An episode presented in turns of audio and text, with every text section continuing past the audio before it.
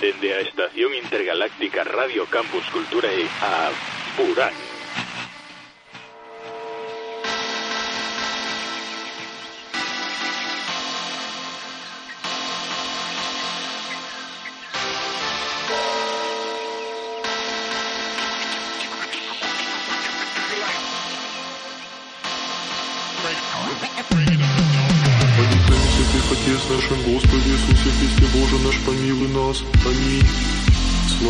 Боже наш, слава Тебе, Царю Небесную, Тешителю души истины, Еже везде сы и вся исполняй, сокровища благих и жизни подателю, Приди и вселись в очистенный от всяких скверны, Святый Боже, святый крепкий, святый бессмертный, помилуй нас. Святый Боже, святый крепкий, святый Боже, святый крепкий, святый бессмертный, помилуй нас. Да помилуй нас. Святый Боже, святый крепкий, святый бессмертный, помилуй нас. Святый слава Отцу и Сыну и Святому Духу, и ныне и присно, и во веки веков. Аминь.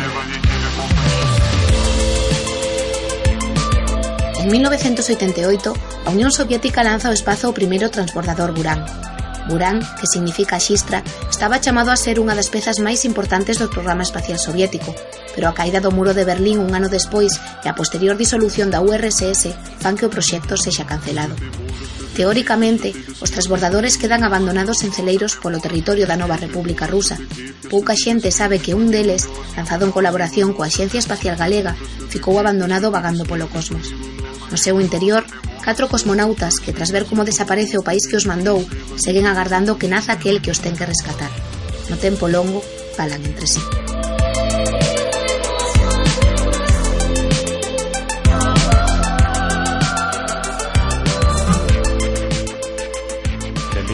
benvidas e benvidos a Burán.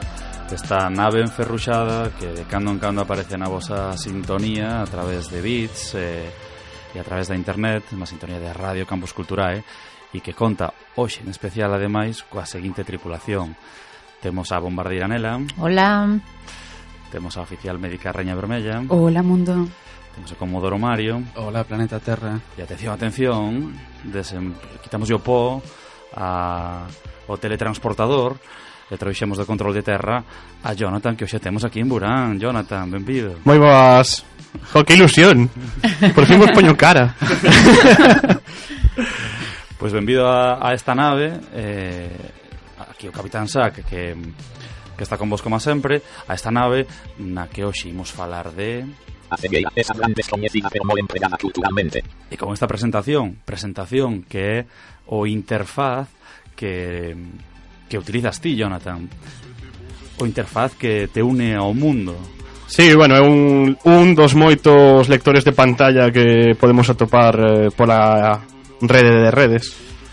Porque hoxe falamos de, de cegueira e tiñamos que traer a Jonathan para que nos dera eh, pois eses apuntes eh, e todo isto que vamos falar hoxe en Burán que este sempre presente a experiencia propia de, de Jonathan que por certo se me deixas a cuña Jonathan e se os de Burán me permiten temos unha entrevista no segundo sexto grado tamén da casa de Radio Campus Culturae eh, na que contas a túa historia con, con moito tempo Que sutil o spam.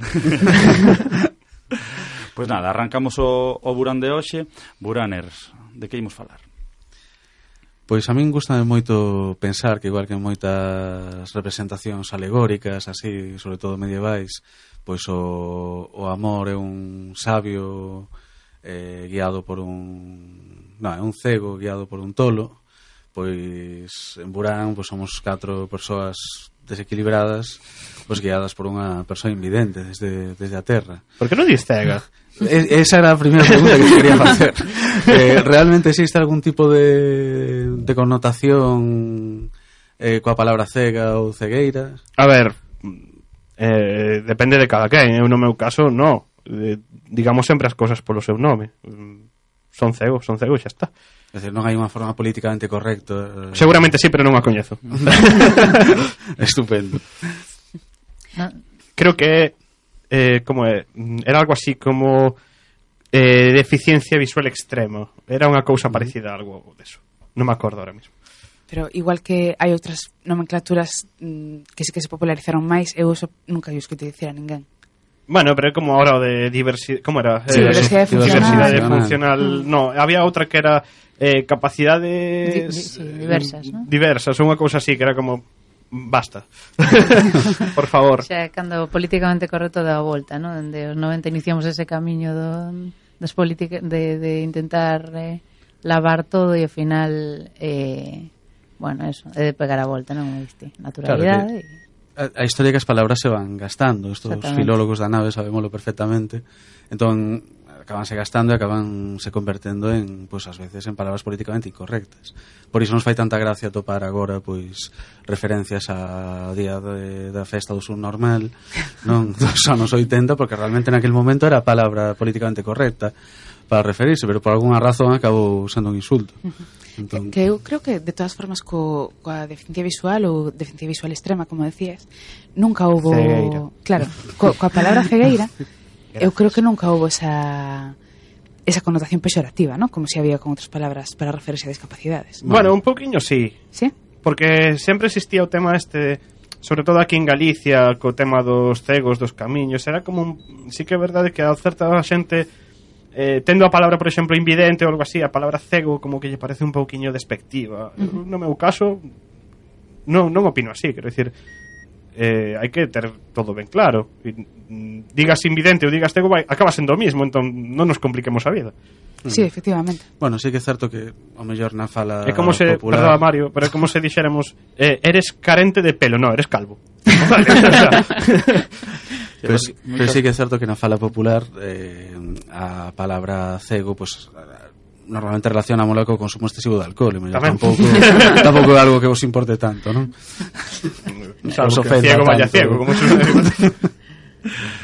O que sí que temos é unha chea de, de referencias culturais eh, con respecto á cegueira, non? Moitísimo na, na literatura, nomeabades tamén os cantares de cego que é algo que a nivel musical, eh, sobre todo na época medieval, pero pero tamén despois eh, sempre está moi presente e que hoxe o folclore sempre sempre recolle e temos como unha chea de, de ítems culturais que imos a ir que imos a ir debullando. Quen é o primeiro que se atreve a, a disparar?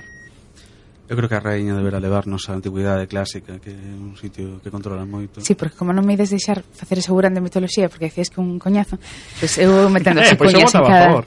Ves? Ves? Dentro control de terra podemos ter algún tipo de decisión sobre... Eh, eh o control no. de terra é o que decide se si nos baixo ou non. Se alguna decisión debería ter. Pois, eh, o que, o que iba a decir antes de que mm, non me parece que tivera un, unha connotación pexorativa da cegueira, é porque sí que me parece que eh, nas referencias clásicas, sobre todo, eh, o tema do cego ou da cegueira ten incluso unha connotación que non, so, non é negativa, senón que moitas veces a persoa cega é a persoa que ten algún tipo de visión, por decirlo de alguna maneira, máis auténtica. No? Eh, penso, por exemplo, no Sabio Tiresías. No? Eh, a historia de Tiresías é un é unha persoa que mm, espía a deusa Atenea mentre se baña, no? Entón, claro, isto é un pecado grandísimo na antigüidade clásica, no? ver a desnudez dunha deusa, pero como é Atenea, no? é unha tía así como, bueno, razonable e tal, decide que vai, vai no cegar, pero vai a dar o don da profecía, no? que é como unha especie de visión pois máis aló da visión ordinaria. No? Ou penso tamén, por exemplo, en Homero, no? que non sabemos quen foi, non sabemos se que era, se foi unha persoa ou un conxunto de persoas, pero que parece claro no? e que se lle atribúe a característica da cegueira. Había teoría ya nos por aí circulando que podía ser unha especie de deus menor, incluso Exacto, que se atribuían sí. as súas obras. Uh -huh. Ou, por exemplo, eh, o deus Odín, que a cambio da sabiduría cede un ollo na, na fonte que todos sabemos que é de San Andrés, realmente. Xa falamos disto, de feito, en Burán. Sí. Non sei ata que punto Ben, non sei, eu creo que ten aí esa existe esa, ese principio polo cal ti perdes unha facultade para adquirir outra ou de alguma forma se compensan as facultades. E non sei se Jonathan ten a percepción de que existe na cultura popular pois unha noción de que podes agarrar dardos coa man se chos tiran ou eh, por favor non fai falta que o intentemos no, este tipo de agresividade. Que te podemos lanzar na P9 podes esquivar os coches ou... bueno, eu estou segura de que Jonathan pode esquivar os coches. sí, na P9 porque, porque eu, para Radio 20 se creo falar de que o noso Daredevil particular. Porque, claro, neste hilo buscar a control de terra coincidimos en medios de locomoción, ¿no? E, e, e nese hilo buscar nas ruas de, com, de Compostela, por exemplo... Na Vía Láctea. Ten este, para que non... ten a facultade de, de saber en todo momento por onde está pasando, ¿no? Entón vai facendo comentarios tipo, ah, mira, nesta escola estou aquí e tal... E, e claro, estás no... no no coche, non... De feito, hai xente que no. se pon moi nerviosa, eh? Cando pasa eso, que es como, a para de facer sí, eso agora mismo. ¿Sabes? Ninguén che berrou impostor, impostor... Sí, tamén, tamén, no. De feito, entrenando estas cousas como o destador, sí que me ten pasado de, a mellor, mm, darme conta de que ven alguén e pararme e deixar pasar e o meu instructor decirme, bueno, basta, o sea, deixa de tomarnos o pelo a todos. Estás dando moito yuyu.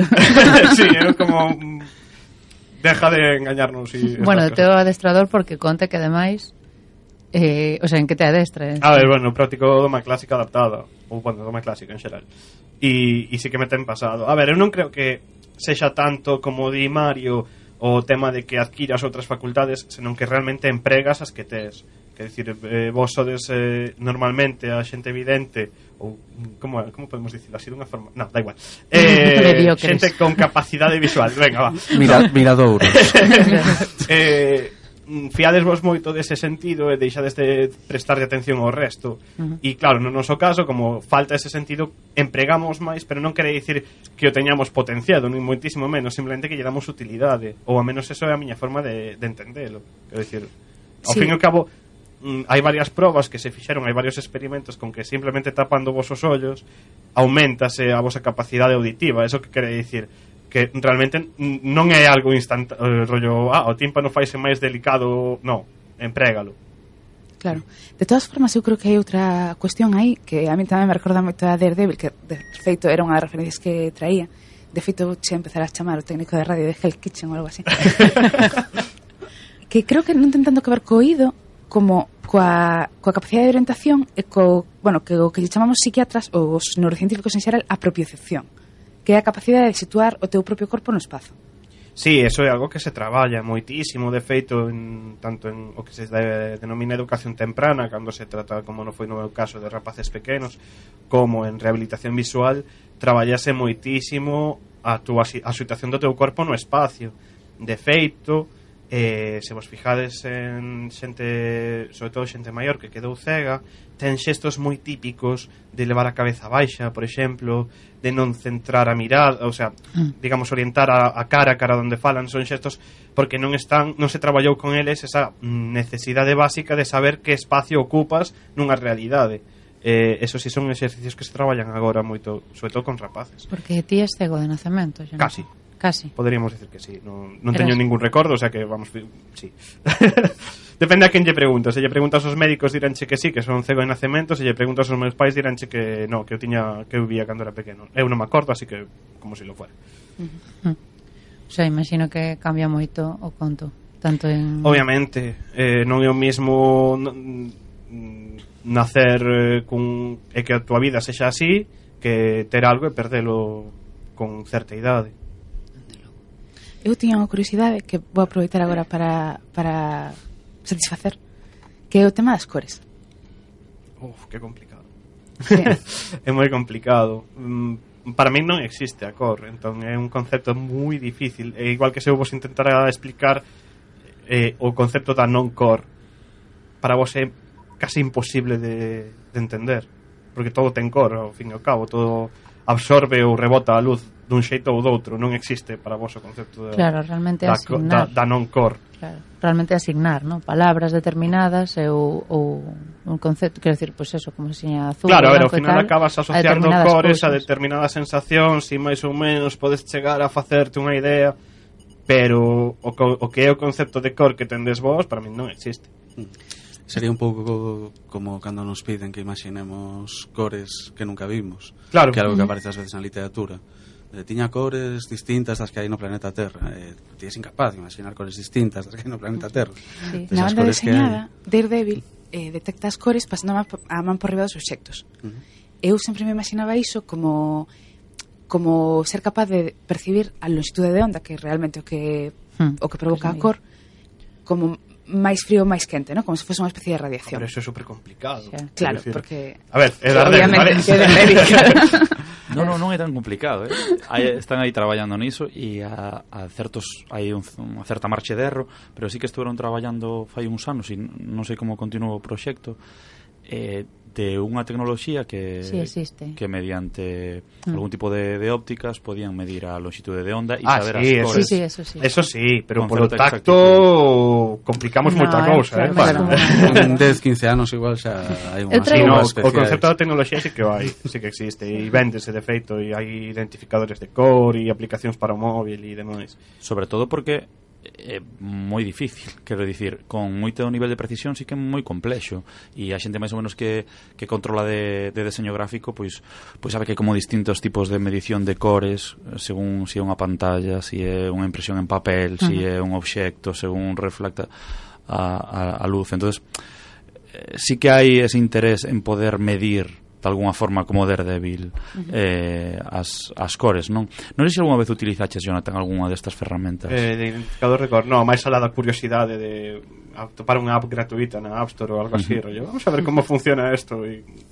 Pero a nivel, digamos, eh, diario e demais, non uh -huh non me resultan cómodo e que máis un coñazo quero dicir mm, tamén depende da luz que haxa na habitación nese momento.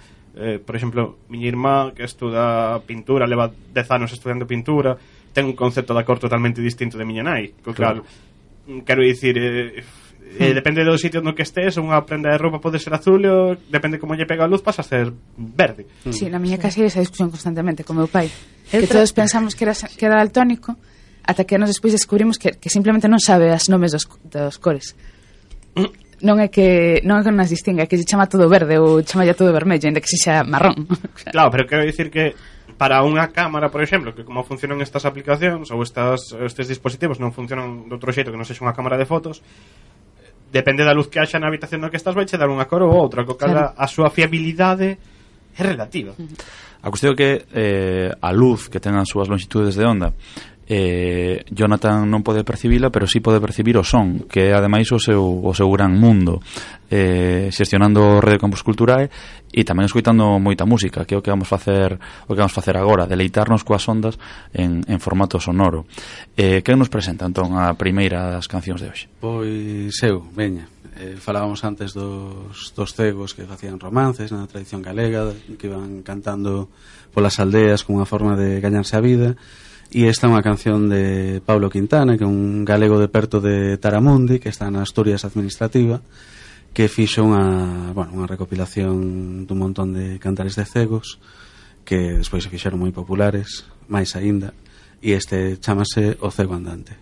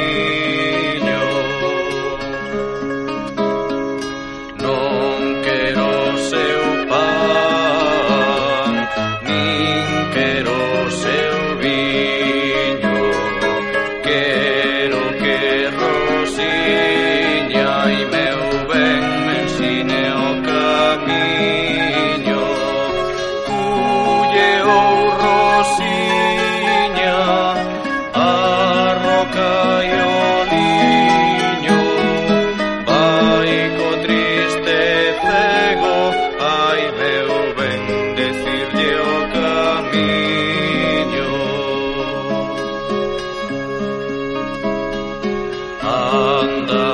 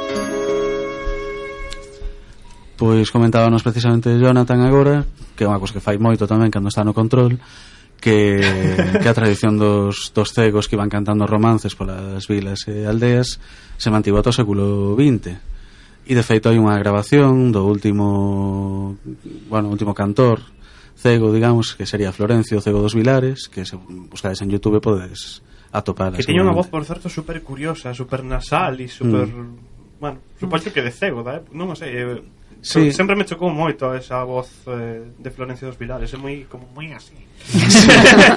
e é moi curioso tamén a forma de, de tocar co violín, así como a golpes moi curtos do violín, vamos, é unha cosa, a verdade sí. que ten moito valor etnográfico. Eu supoño que, que existirán outras culturas tamén os cantares de cego que será común a outras europeas, pero bueno, non deixa de ser, indo ter unha cultura na que na que propio e na que casi dan tonte que, que siga existindo esa tradición, non sei, en particular.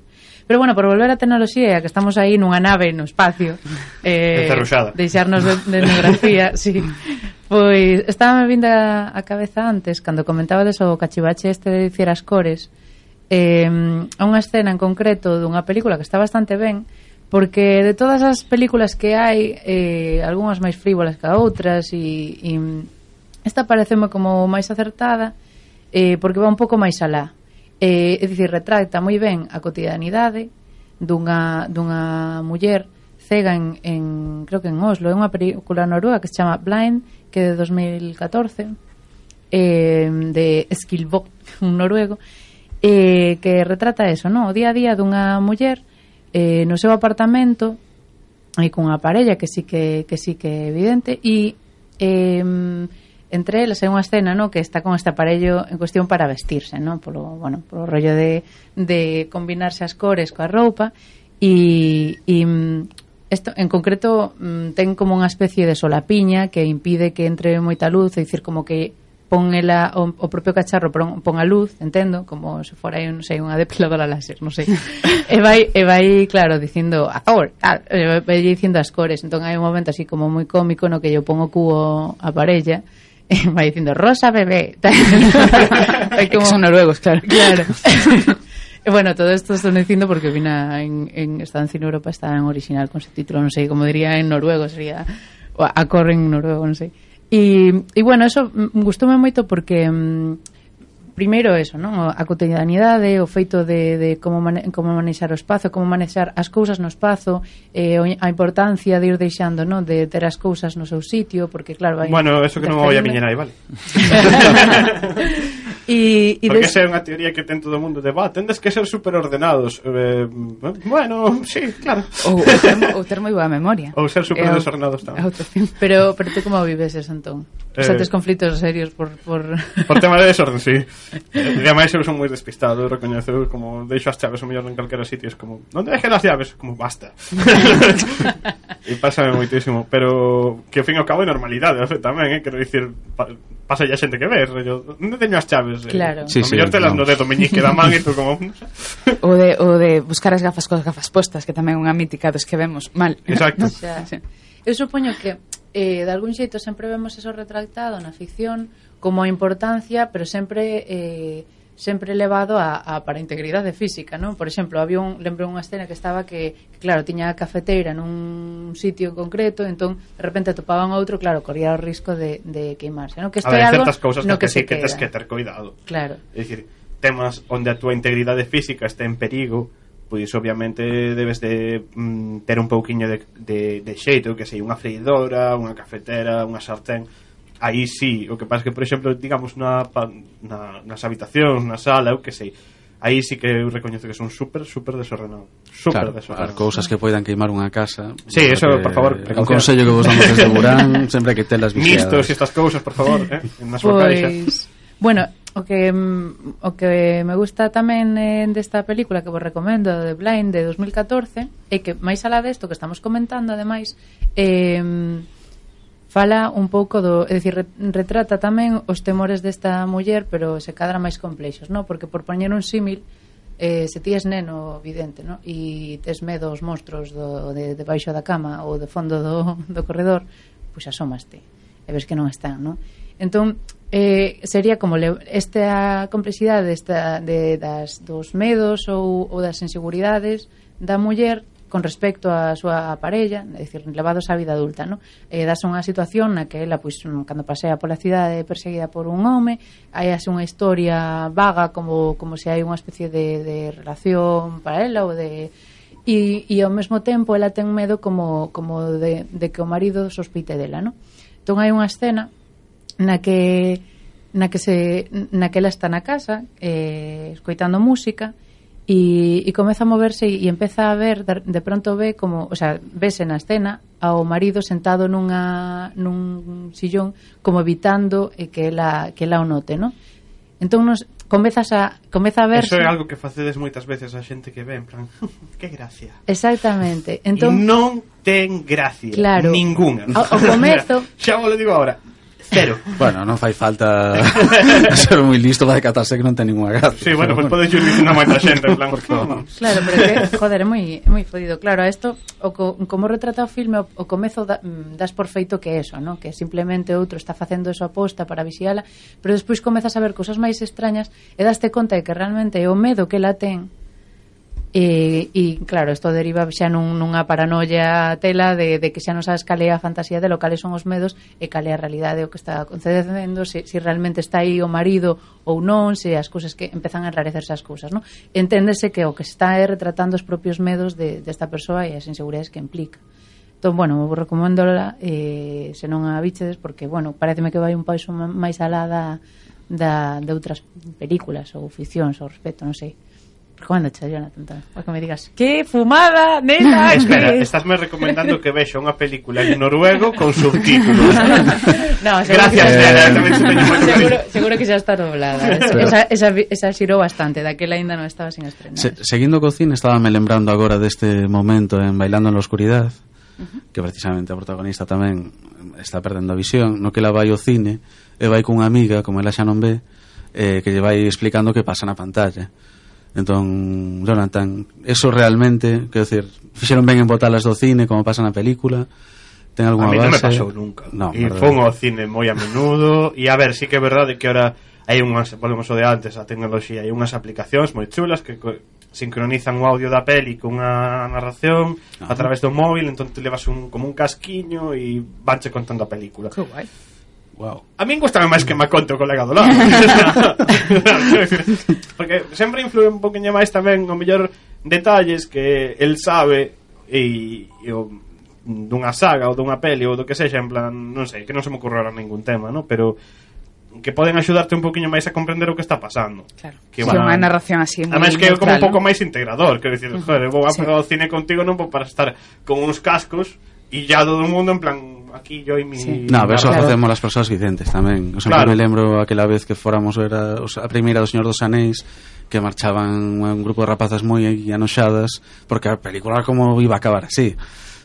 claro, quer dizer, a primeira parte da saga, se ti non sabes que é unha saga, pois pues claro, ten un final un pouco tal. Entón, claro, pero no, pero falo mellor incluso ben... que de experiencias que che poidan que compartiches con esa persoa, inda que sexan moi simples, que poden axudarche a facer unha imaxe máis certeira de como está sendo a escena. Eu que sei, poñamos por caso que fora unha película na que están falando nun estudio de radio e alguén pode dicir, pois é un estudio un pouco máis grande que o de Radio Campus Cultura. Por exemplo, Ajá. quero dicir, claro. dache unha mm, ubicación espacial un pouquiño mellor que que che pode dar o tío do, do desk que dende logo fai falta porque a veces ves a película solo sabes, vas ao cine non, nunca me pasou pero na casa sí e é necesaria esa audiodescripción, pero posiblemente un colega ou unha parella pode che dar unha relación máis certeira para que ti te fagas unha imaxe máis real do que está pasando. Total, que nos podemos ir a mellor con calquera persona do cine e tú vas a seleccionar ben. É unha honra que nos pidas que te acompañemos ao cine un día. Tomamos nota. Foi sutil a invitación. E de ser unha grande responsabilidade. Un grande honor con leva unha grande responsabilidade. o sea, que narrar ben esa peli. Eso, e que non te foques... Sobre todo cando vamos a, pelis de Marvel, que eso es terrible. Buah, pero é rapidísimo, eso, hai que, hay que ter unha velocidade de narrativa. A ver, tamén os diálogos e as músicas tamén axudan. Eh? eh claro. As veces Mm, pensamos únicamente na imaxe e o traballo da, da xente de, de montaxe de son tamén axuda a facerte unha imaxe de, mental do que está sucedendo. Sí, entón, as, a, se estás escoitando bofetadas implica que se están peleando. Quen vai ganar por superheroe? Xa está. E logo as bandas sonoras teñen como certas melodías asociadas a personaxes ou a, ou a momentos. Ou a momentos, sí, claro. O sea, ti escoitas a típica son, a banda sonora máis típica desto que a de Tiburón e es como, vale. Debe estar viniendo porque empeza aquí unha tensión. Como, como xa todos os que nos escoitan saben que as bandas sonoras tamén son importantes para, para nós en Burán e como ademais saben no que nos gusta isto de ir de temáticos eh, polas ondas de, de radio pois imos a escoitar unha canción que se chama Blind eh, Cegueira de Hércules and Love Affair. Eu creo que alguén non a pode introducir un poquinho mellor do que, do que eu. Bueno, pois como xa presentaches eu só vou dicir que sigo ca miña teima mitolóxica ao traer este tema e que tamén para que non se tan coñazo este programa de Burán que vaya, vaya de selección, vaya tela. Falábamos de bailar en la oscuridad.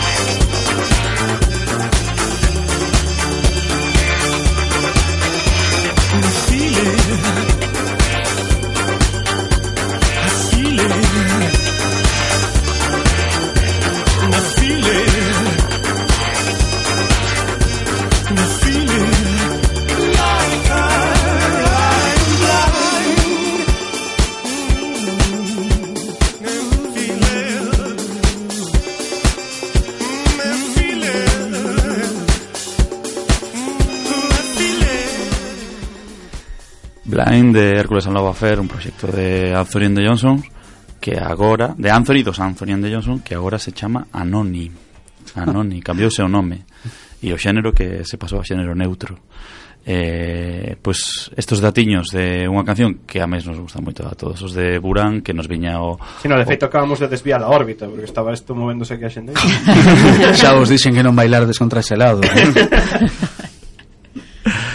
E claro, é verdade que o da cegueira é un tema que, que no mundo da cultura, especialmente na literatura e, e no cinema, que claro, que, que se menciona moitísimas veces. E preparando o programa tiñamos como multitude de, de, de exemplos e eu non sei se o comodoro por, por onde os quere, os quere levar, porque hai moitos. Pois, non o sei, a verdade temos un montón, pero un montoncísimo. Falábanos agora nela de, dese de medo do, do escritor a quedar a quedar sí, cego, non sei se queres ir un pouco por aí. Foi algo como que mm, claro, cando empezas a revisar autores que se quedaron cegos e que estaba na súa literatura previa o medo, eh, creo que se entende, se deduce facilmente que, claro, sobre todo no século XVII, eh, XVIII en España, por exemplo, Galdós, ¿no? eh, pero despois tamén hubo máis casos, pois pues, realmente viñan das condicións nas que se escribía, é dicir, estás nun, cunha lámpada de, de, de lume paupérrimo cunha vela durante anos e anos e anos eh, con esa calidade de, de, de visión ibas escarallando pouco a pouco os ollos tamén había ese eh, incluso despois a esperanza de que aquilo de que a, o, o, os oculistas eh, evoluísen e por exemplo vese na, na obra de, de Galdosa de Marianela que, que a pro, o protagonista é un neno guapísimo cego que, de, que resulta que despois ven un médico e o cura, non? e o sana e sempre había hai esa Despois, bueno, non sei, Borges tamén comparte ese medo e, e está na súa literatura e, e tamén eh, pois pues eso, volveuse cego e, e hai unha, hai incluso sectas que din que non, que era todo mentira. Hai xente que di que, que só cegueira era mentira, pero creo que polas mesmas razóns polas que Jonathan dicía que era capaz de orientarse, de asombrar a xente, porque o viron, pois iso, cruzar unha rúa, esquivando os coches, cousas así. Aranela pásanos moito, o sea que xa sei que fixo moito dano á sociedade en xeral. Borges, bueno. No, eh, Galdós. Ah, porque, Galdós. Porque, Terrible. sempre ven alguén de listo que che pregunta, eh, e non é tratable. E tú como non che sí. vou explicar a miña historia médica aquí e agora a ver, Galdós, un señor que saía nos billetes de mil pesetas. A mí, a mí me dano por outro lado porque claro, a xente decían pero es nela por Marianela de Galdas no, no, o sea, eso é que non liches ese libro vale?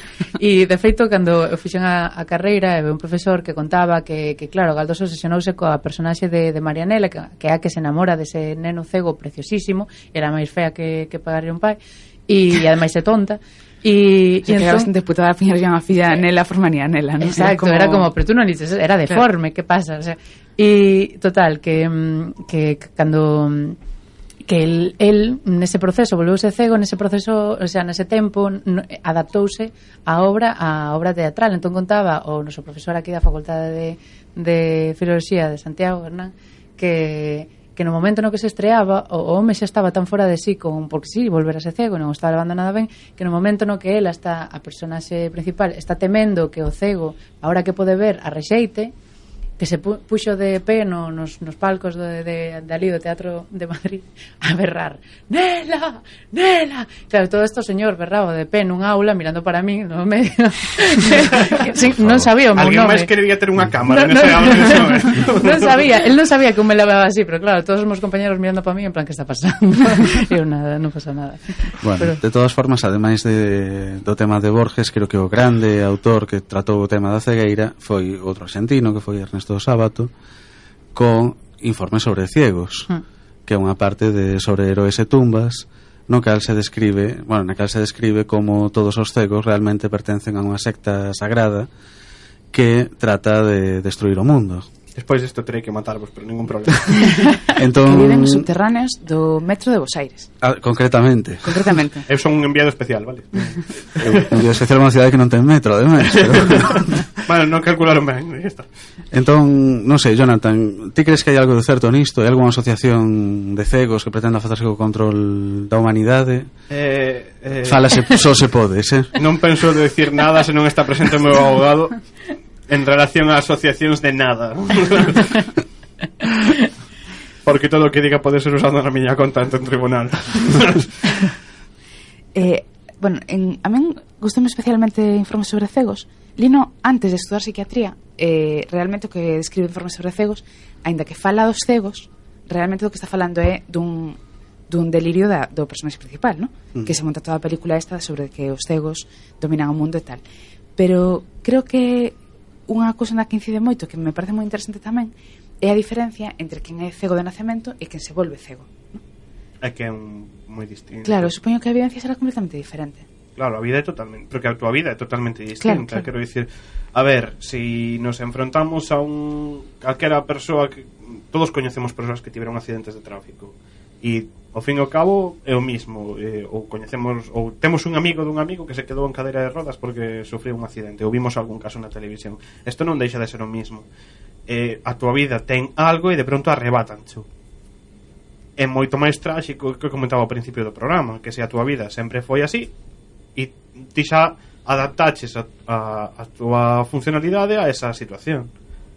Pois pues mira, esta, esta, este é o tema principal bueno, o tema principal, sí, o, o sei, o enfoque que lle dá Saramago, ¿no? O ensaio sobre a cegueira, que, que esa grande obra, na, bueno, na que se presenta unha especie de distopía que todo o mundo nunha cidade comeza a volverse cego eh, na a cegueira branca que chaman, ¿no? E, e mm, entón o goberno eh, levosa unha a un centro hospitalario, unha especie de... Sí, unha especie de hospital, de hospital ¿no? Valeiro, e meteos a todos ali, porque temen que se contaxe, se, xa algo contagioso, e todo o país se vaya quedando cego. Entón, claro, nese, nese contexto na que todo, de repente todo o mundo de horas ou, ou poucos días eh, eh, cego amateur de repente cego os, os únicos libres. claro, os guías e os, e os que manexan o cotarro e os que manteñen vivos e a salvo a todos os demais son os cegos de, de nacemento, no? que son os que saben manexarse no espazo e, e bueno, son os que saben sobrevivir, claro, digan dos outros non. Tamén tamén o usan ás veces para para abusar dos, dos novos cegos, e quedarse coa comida. Bueno, non sei, é unha cousa interesante. É moi peculiar porque eu sempre pensei que esta novela de Saramago estaba vinculada a dúas cousas. Unha, a, o tema do metílico, que foi unha intoxicación alimentaria que pasou na Galiza no ano 63 onde estivo implicada a familia dunha bueno, non sei como chamar, dunha individua. Seguro que foi a familia. Galega, si, sí, foi, que foi a familia que se chama, que se chama Gloria Lago. E, e que, bueno, que, que deix, matou a moita xente, é dicir, a intoxicación, pero deixou cega tamén a, a moita outra.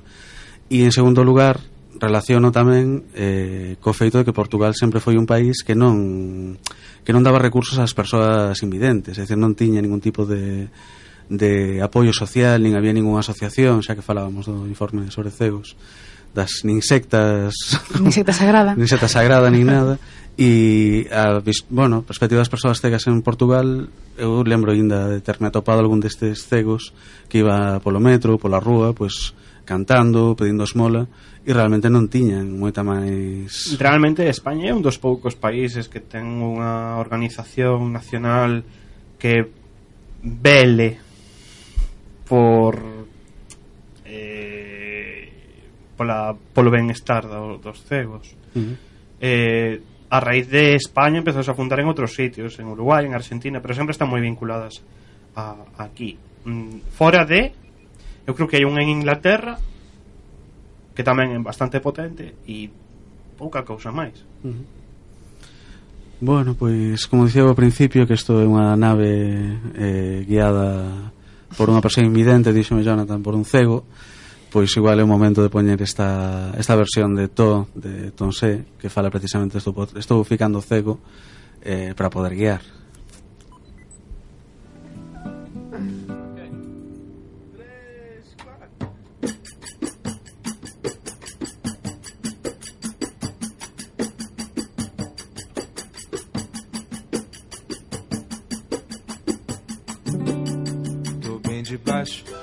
Poder subir.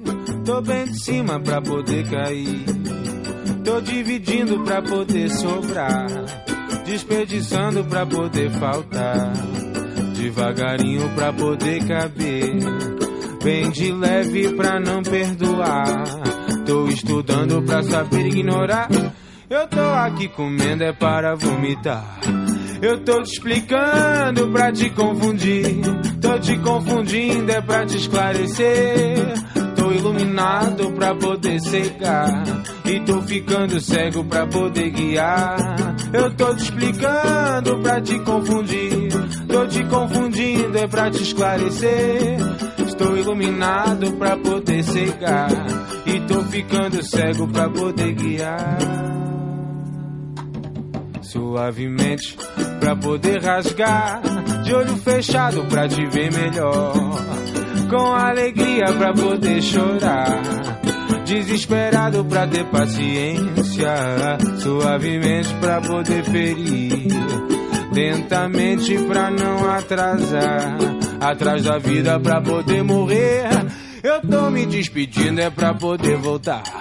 Eu tô te explicando pra te confundir. Tô te confundindo é pra te esclarecer. Tô iluminado pra poder cegar. E tô ficando cego pra poder guiar. Eu tô te explicando pra te confundir. Tô te confundindo é pra te esclarecer. Iluminado pra poder cegar. E tô ficando cego pra poder guiar. E tô ficando cego pra poder guiar. E tô ficando cego pra poder guiar. E tô ficando cego pra poder guiar.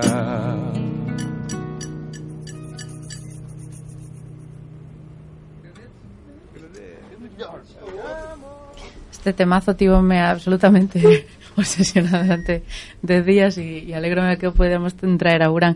Esta versión é de Tiago Nacarato que hai do, do país veciño. Esta, non sei, mesmo se, se mirades o vídeo, non sei se ata está grabado en Porto, pero bueno, é, este é un rapaz, un intérprete portugués que, que trouxo Tomse a, a actualidade. O vídeo ten nada, un par de meses como nos gusta traer música música do presente e como nos gusta traer obsesións aquí a Burán, na sintonía de Radio Combus Culturae, na que estamos a falar de, de cegueira e na que teletransportamos ao noso control de terra a Jonathan Barral aquí a a nave para que para que falemos de todos estes temas dos que xa por certo vamos pertiño do, do final quedanos, quedanos uns cantos minutos e tiñamos moitísimas moitísimas referencias falamos do metílico falamos de Sábato de Borges de Galdós falamos dos romances e dos cantares de cegos falamos de, de moitísimas cousas, pero aínda moitas máis nos, nos quedan e non sei quen, quen quere atacar. Non falamos de Al Pacino bailando tango, hombre. Pero por que o tango? Vamos a ver. por que o tango? a, a camiñar pasame igual, es como, "Buah, es que esa escena es que ten de raro." A ver, a min non me gusta bailar, pero hai cegos que bailan. Non é unha actividade incompatible ca vista. O de conducir o Ferrari, sí, é un tema incompatible ca vista. Vale. Queda, queda claro aí. Eu- Claro. Algo que, eh, eh, por certo, a mí non me importaría, pero que non me va a deixar o señor Está claro, de o sea, Ferrari, todo, todo seguramente non. mundo flipando con que o tío baile, pero se, Sabe conducir un Ferrari. Non había un caso real dun señor que colleran en Barcelona así a non me acordo se eran 190 km por hora pola autopista unha cosa así que dicía que era capaz porque lle guiaba a súa muller. a muller estaba ao lado, non? Non lle falaba. A muller debía ser parente de Luis Moya ou algo así. que por certo iría moito máis confiada no, no coche conducindo Jonathan. Xa, moita xente que coñece conducir. Que iba a dicir? Cando chequen os coches de Google e estas cousas. Aí me reiré yo. pois esa escena a do a do a do tango va do Ferrari. A, do, a ambas son son propias da, da versión porque eso é un é unha é un é un remake da, dunha película italiana que se chama Profumo di Donna do 74 de Dino Risi que, que, que ten como prota a, a Vittorio Gassman, que é unha especie de Alpacino en alto, o sea, todo, todo, todo mellor. E que, claro, é unha peli pues, moito máis italiana, non? Se, hai, as mulleres son máis interesantes e divertidas, eh, o tango... E que as mulleres en esencia de mujer tampouco teñen No, non ningún teñen tipo ninguna, de relevancia. Ela, ela vai ali, pon os pendientes, baila con el jajá e marcha co, co mozo e non ten nada, é un, é un xerrón totalmente. Despois está a zafata do avión. Sí, e, é todo así. E xa. Que bueno, a, a, na versión italiana hai moito máis cacho e, e por suposto, de feito a, o, o tango eh, en realidad é un borreo que lle pega despedirse da, da tipa ah, porque están falando. americanos, son estragando o cine. Claro, que el Pacino era un italiano de segunda xeración, xa, entón, claro. ibase diluindo a italianidade. Parecía ¿eh? como moi violento o de, chao, moza, veña dos bicos, dalle dos bicos, e no, hombre, pero un pouco mellor, e pegaño un borreo, xa, igual poñemos isto. Eu teño unha visión da versión italiana, que creo que é a única que, que vin enteira cando eu era pequeno, mm. eh, acaba como nun edificio en ruínas, nunha cidade así como moi moi desastrada, non sei se, se, se Nápoles. Eso é porque peluches en Ferrari de, de estética. Sí, pero... non era non era pantalla da tele, mí... era fiestra do salón dos en... meus pais. a mí, bueno, realmente sí que ten un eh, ten moito máis, sí, moito máis Nápoli, moito máis eh, do que do que obviamente a, a elegancia da versión americana. De feito hai un momento no que lle está pedindo o chaval que lle, que lle describa as prostitutas. De feito dillo así, no? Dixe que mulleres hai, outro non non lle quere dicir que son prostitutas e di, a ver, contame como son as prostitutas desta rúa. E eu tipo, ah, vale. Empeza a narrar, entón explícalle que el o, o cego en sí, explicalle que le gustan altas e, e anchas de hombros, e di, si sí, hai unha, entón pregúntalle, pero mira o pé, como ten o pé? Entón di, ten os pés moi grandes, non é unha, non é un, é un, é un, é un travesti. E parece super tenro que o, o neno de, non sei, 12, 13 anos, porque na, na original é máis novo, que, que diferente un pouco. Esa non, eso non sabe na peli del Pacino. No, a ver, sai como se dá conta de que o camareiro lle vai rebaixar o whisky con auga, pero que é moi fantasmado eso, o sea. Sí. Rollo... Sí, pero pola voz seguro que notas un montón de cousas. Polo tono de voz ou pola forma de, de falar. Tes como unhas percepcións eh, máis profundas do, do habitual. A ver, non son aquí un intelectual tampouco, eh? quero dicir. O que pasa que sí, claro, que te tacatas de que, a ver, a voz transmite moitísimo e moito no estado de ánimo e nas ganas e no, no cansancio, por exemplo Pero tampouco isto vai rollo, vamos a, a facer un psicoanálise para, para eso Eu pensaba aí, que eh? sí, eh? Eu creo que un pouco sí, non sei. Se si o fago é tes, totalmente inconscientemente, rollo. Tes presumido ás veces de, de que mandabas así efectos sonoros a xente que estaba falando. sabes, e todo para... porque un día lle dixen a Nela que estaba afónica. para notar pero como se mosqueaba. É, de... Pero eso non é tanto para, por exemplo, o día que yo comentaba Nela, non é tanto por ser cego, senón porque gustamos o son e entón estou pendente de cando vos estou facendo dando control de terra eh, que hoxe temos aí un becario, por certo. Eh, cando vos estou no control de terra o que estou pendente de que como sona todo e ás veces sí que aí estás máis pendente do son exactamente e si que te podes fijar un poquinho máis. Pero é moi bonito porque realmente é un efecto espello que, que claro, a xente habitualmente non ten, porque normalmente cando entras nun, nun sitio e tal, sabes que sempre van facer algún comentario, de feito dá un pouco de preguiza sobre todo para as mulleres, non? En plan, pois pues, se eu vestime así, sei que van a decir, "Ai, mira que guapa, mira como está", non sei que. E, e gustaba moito que ese, ese outro efecto espello, no, por exemplo, imitar a, a voz que poñemos ou, ou tal, porque sí que te decatas de que a mellor estás nun estado anímico no que non, no que non repararas. Uh -huh e, e ou que incluso intentaches de simular exactamente, e y... tú captas Daredevil débil del Pois eh, xa vai chegando o final, sinto dicírvolo. Eh, Como xa acabades de mencionar E como a nosa audiencia intelixente xa reparou alguén terá que haber no control de terra entón queremos agradecer a, a Miguel Ángel Bamonde que nos fixera os controis desde, desde Planeta Terra para que esta a ver... Encerrona, que vamos. Fixemos nós, claro que e que permitiu que todo funcionase como, como a seda. Eu non sei se si Jonathan ao mellor se queda aquí xa, xa para sempre. Eh? Home, a eu non teria problema en quedar aquí arriba as vistas son geniais pero... tens que avisarme estas cousas para asustar os medios de Xixen bueno, a, a Jonathan tamén o podes escoitar en eh, A ver, a ver, a ver. Joder, que susto agora de un lado. Outra cerrón. Eh, Atlantis Estelá, eh. Ben, uh. Eh, estaba, estaba entre Atlantis Estelá e Campus Atlántida, así que mira. Pásame, pásanos moi a menudo, ¿eh? ese. E, e aí tamén el participa dese, dese programa que, que vos recomendamos. É outra nave que temos aí. Eh, Unha nave, ah, neste caso submarina. Pois con esta sintonía que xa chega de final e que nela tes que resumir en 10 segundos para, para presentar, vamos a despedirnos. Pois pues mira, esta é a banda sonora da película que vos recomendaba ao inicio, Blind, de Skillbota, Noruega, eh, na que ela está escoitando esa música eh, bueno, é a banda sonora e bueno, e, e preséntase nese momento no que ela descubre que a está espiando a mantenta o, o, seu, o seu amante Pois con esta canción evocadora nos despedimos deste Burán na sintonía de Radio Campus Culturae e agardamos vos na próxima edición, mentras tanto as redes sociais e as cousas que tedes para seguirnos. Chao.